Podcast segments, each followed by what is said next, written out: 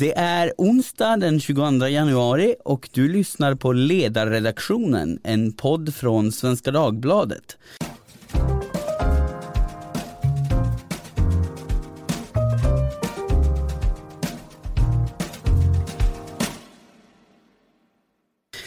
Jag heter Jesper Sandström och idag ska vi prata om Postnords kris.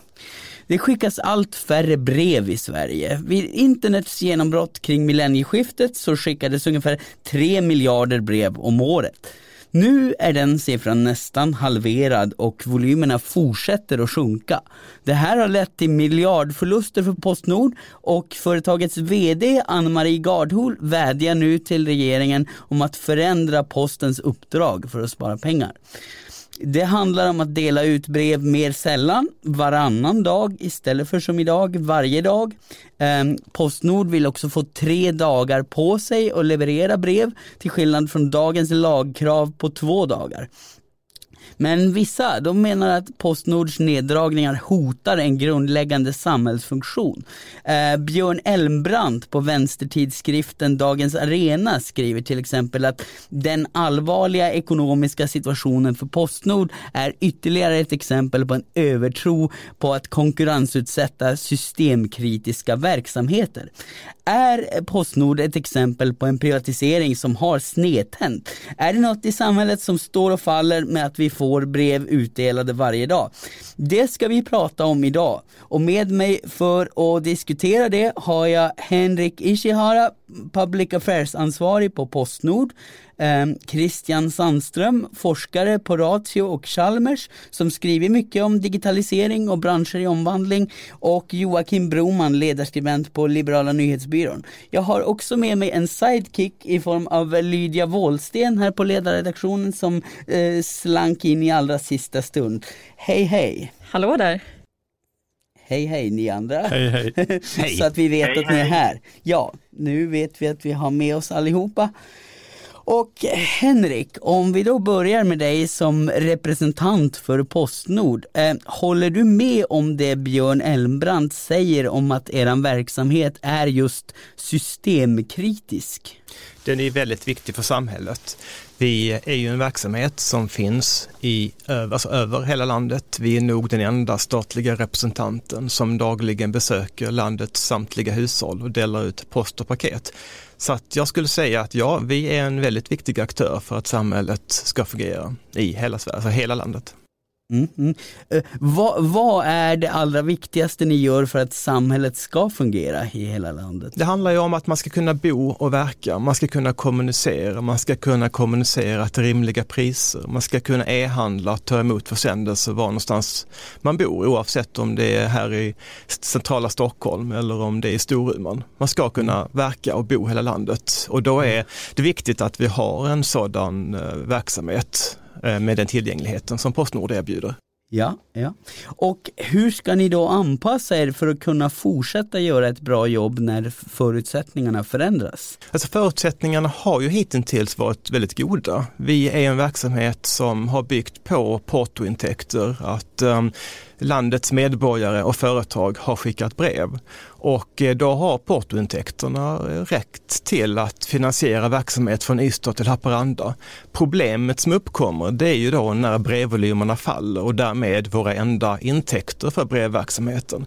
Så att jag skulle säga att eh, den här Eh, systemet som har fungerat hittills har ju nått vägs ände och man börjar, måste börja fundera på hur ska vi ha den framtida servicen? Vad är det för servicenivå vi faktiskt vill ha och hur ska den finansieras? Ja, okej. Eh, Christian, du som är med oss på länk, du har ju bland annat skrivit om Kodak, fotoföretaget som blev frånsprunget när resten av branschen digitaliserades. Och eh, Charlotte Svensson, en av Postnords högst ansvariga för digitalisering, pratar själv om att möta ett Kodak moment när de produkter vi länge har använt försvinner. Finns det, ett risk att, eh, finns det en risk att det går lika illa för Postnord som det gick för Kodak? Eh, ja, det, det tror jag. Om, om det hade varit ett företag som eh, svarade mot, mot aktieägare så kanske det hade varit förluster som ackumulerats under en lång tid när, eh, den bärande produkten i allt väsentligt upphör att existera. Eh, det, det skapar ju enorma utmaningar och det gäller både privata företag och, och företag som har en, en statlig ägare, absolut. Mm, mm.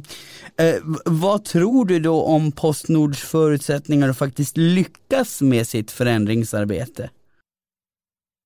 Eh, jag har ju då studerat ganska många privata företag som eh, möter eh, ja, giga, gigantiska utmaningar.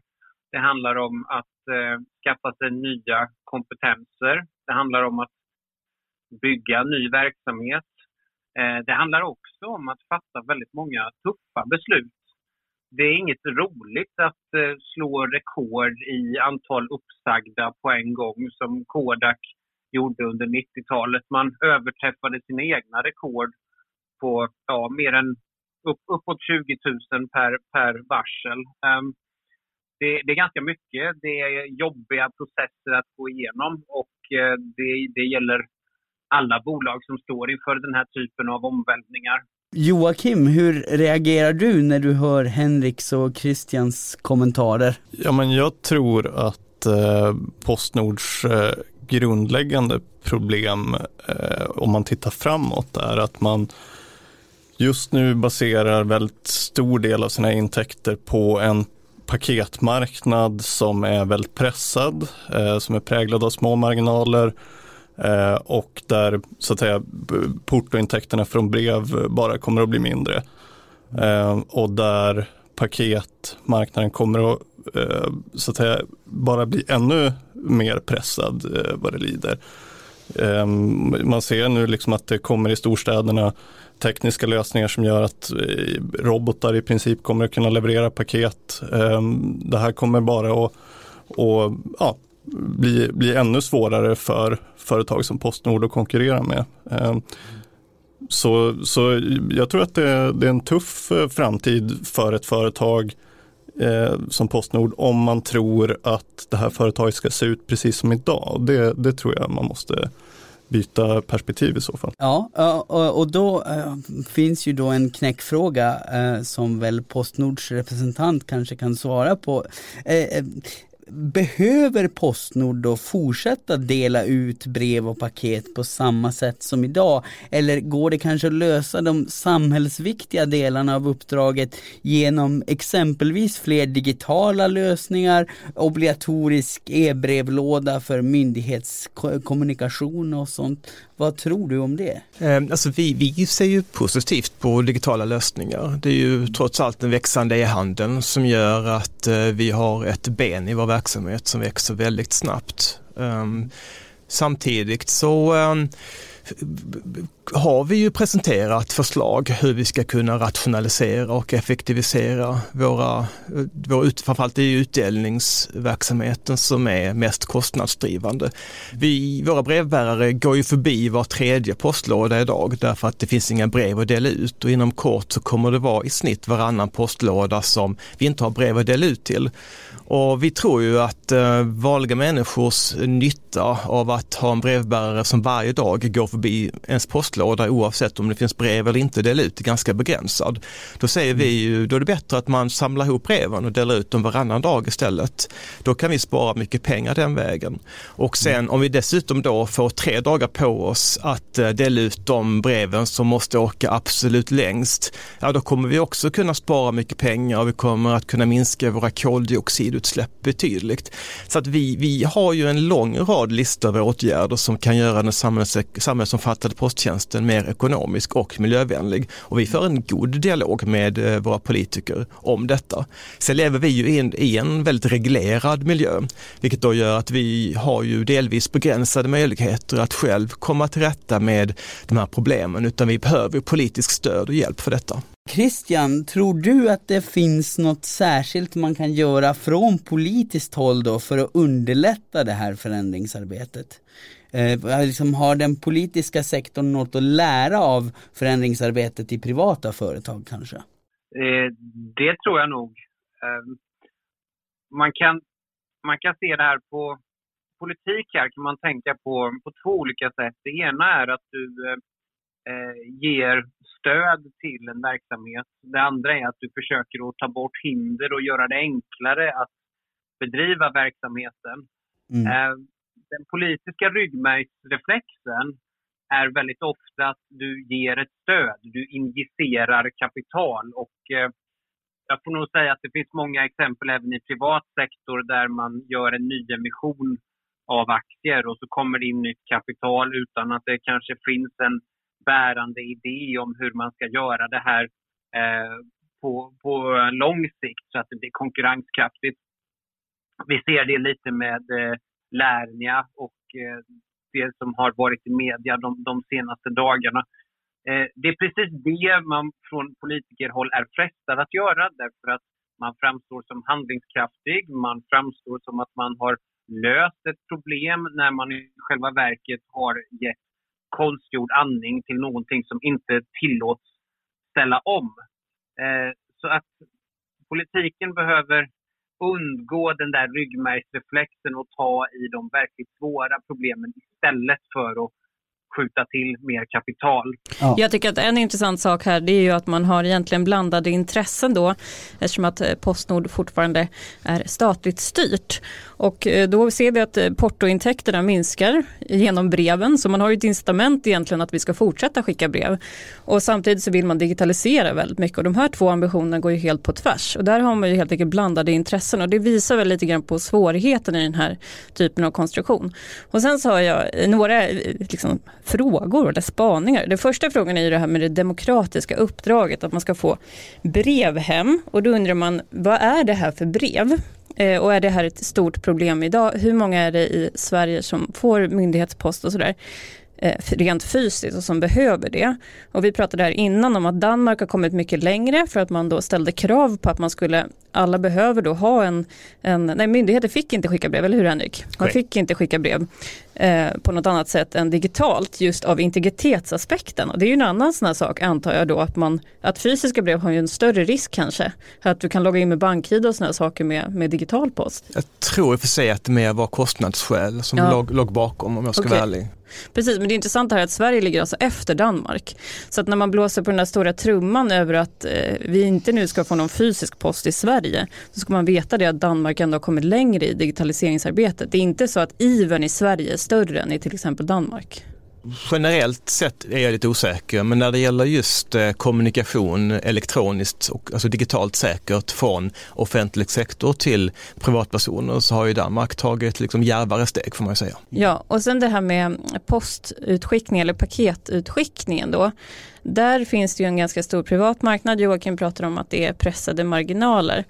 Är det så att det, det föreligger ett marknadsmisslyckande på det här området, att det är stora delar av Sverige som inte skulle kunna få paket på en helt fri marknad om vi säger att Postnord skulle säljas? Eh, alltså nu kommenterar jag inte om Postnord ska säljas eller inte, det är inte en fråga för oss att ta ställning till. Men marknadsmisslyckande, nej det säger, skulle jag inte säga. Det finns eh, jättebra konkurrens på paketsidan och det är inte bara i storstäderna, även om det är här som många ja, plockar russinen ur kakan så att säga. Men våra största konkurrenter har ju ett väl väl finmaskigt nät även ute på landsbygden. De kanske inte alltid åker till ombuden lika ofta som vi gör, möjligen.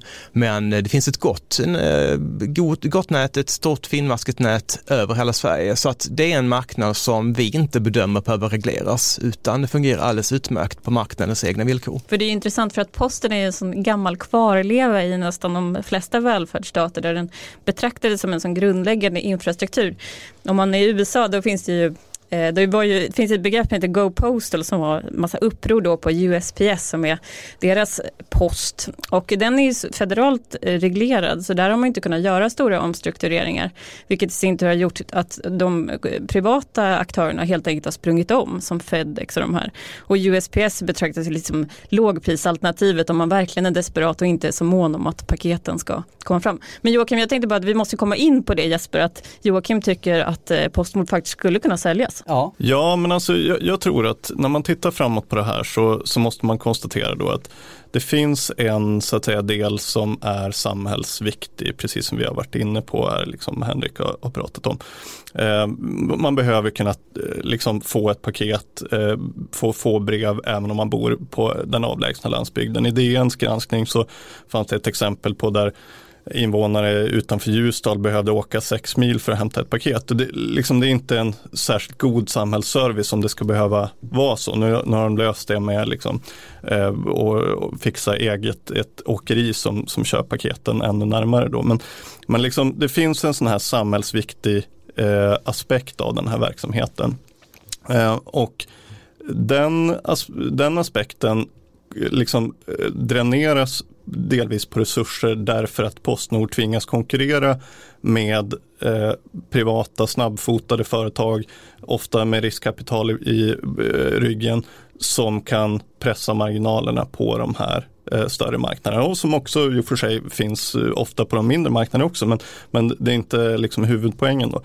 Eh, och, då, och då ser man liksom att det här samhällsuppdraget eh, i någon mån också drabbas av Eh, den hårda konkurrensen på, på det andra området. Och det, det där tror inte jag är långsiktigt hållbart därför att det kommer att bli värre som sagt. Det, det kommer att, liksom eh, ske stora tekniska genombrott på den här marknaden och då, då kommer det bara bli dyrare och dyrare och svårare och svårare att få lönsamhet i det här. Och, och då kommer det här samhällsuppdraget, och, tror jag, att drabbas ännu mer.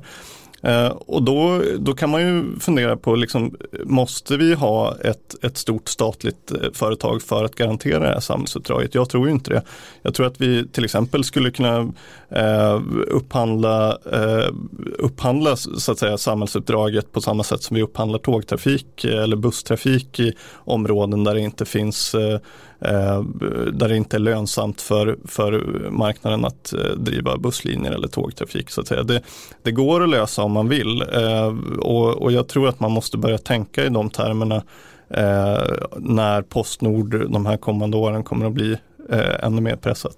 Vi ska få X-trafik i postgången. Ja men eh, liksom, nu har vi ju ett statligt tågbolag kvar men, men så att säga, de, de kör ju inte överallt utan det finns många orter i Sverige där, vi, där det går helt privata tågföretag men, eh, eller, eller eh, bussföretag för den delen som, som sköter trafiken. Så det, det, går ju att lösa på andra sätt. Frågan är om man vill. Jag, jag tror att när man tittar historiskt så har det ju funnits en, en vilja att Alltså posten har ju varit en kassako för, för staten. Det är ju liksom därför man monopoliserade det här till att börja med. För att man såg chansen att, eh, att kamma hem alla de här eh, intäkterna och, och, det håller på att bita en i svansen nu då när man behöver ta, ta de här förlusterna. Men, men eh, det, det, tror jag man måste ha med sig. i Det. här det har ju gått väldigt mycket sämre i Danmark och de som är kritiska är ju kritiska till, framförallt till Maud Olofsson och för att hon alltid gör så dåliga affärer för skattebetalarnas räkning. Men eh, Joakim, hur ska man se på det där då med, med Danmark? Är det inte Danmarks fel att eh, Sveriges Postnord går dåligt? Jag, jag tror att det är eh, en, en annan eh,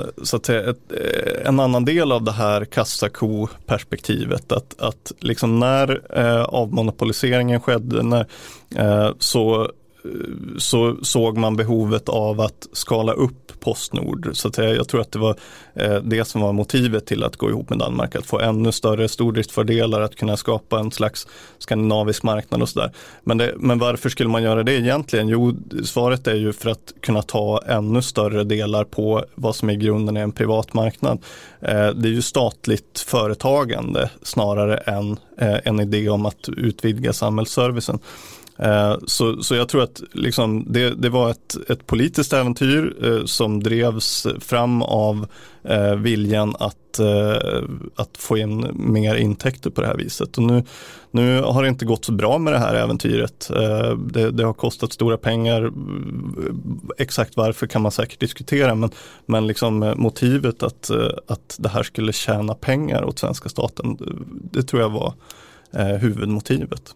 Ja, eh, Henrik, hade du något att säga om det? Du lyfte fingret här. Ja, ja det, det, var en liten stund sedan förvisso. Ja. Eh, vad som ligger bakom samgåendet mellan svenska och danska posten är ju ingenting som jag kommer att kommentera utan det får, det får jägarna stå för vad som ja. låg bakom. Men en, en, alltså det finns ett par aspekter av samgåendet som inte alltid har lyfts fram och det är ju att det faktiskt kommit stora synergieffekter och vinster och vi kan erbjuda samma varumärke och samma erbjudande i hela Norden. Så att det, där finns det vissa fördelar delar som inte riktigt alltid uppmärksammas i, i media. Men liksom, jag tänker inte recensera för det här samgåendet, det får andra göra. En, en sak som inte riktigt kom fram i då DNs granskning om de här människorna som, utanför Ljusdal som hade sex mil till närmaste postombud, det var ju det att vi har ju lantbrevbäring till ungefär 15 procent av hushållen i Sverige och där kan man ringa och få de här eh, paketen utdelade utan extra kostnad till sitt hem. Så att ja, det finns finns ju hushåll som har ett antal mil till närmaste postombud, det är sant. Men, och där arbetar vi för att göra ombudsnätet ännu mer finmaskigt. Men servicen som lantbrevbärarna erbjuder är ju faktiskt fantastisk. Det låter ju som att vi kommer fortsätta ha postgång här i landet med eller utan Postnord. Sen får vi väl se lite grann vad som händer. Det verkar svårt även för de mest initierade att sia allt för långt om framtiden. Eh, men eh, det, det verkar inte riktigt som att Björn Får rätt i att det är en systemkritisk eh, samhällstjänst som håller på att gå under. Utan det finns ändå hopp får man väl säga. Eh, finns det någon som har något mer att tillägga till våra lyssnare innan vi avrundar för dagen? Nej, jag har bara en generell spaning. Jag tycker det var ja. intressant att DN gjorde det här reportaget. Jag tycker det ligger i linje med andra reportage som man har gjort. Man fick ju väldigt mycket uppmärksamhet när man tittade på Coop och hur imperiet om Domussamhället håller på att monteras ner. Och det är samma typer av känslor som väcks till liv här när vi börjar prata om Postnord. Det, effekten det får när känslorna svallar det är ju att argumenten också tappar på motsvarande sätt i kvalitet. Och eh, det har dykt upp en massa spännande argument här, bland annat då att det här är viktigt ur säkerhetspolitisk synpunkt. Och då tänkte jag så här, ja fast relativt är det inte viktigare att vi säkerställer då att alla har sin lilla vevradio hemma så att man faktiskt kan få eh, information direkt eller istället efter två dagar när ryssen kanske står för dörren.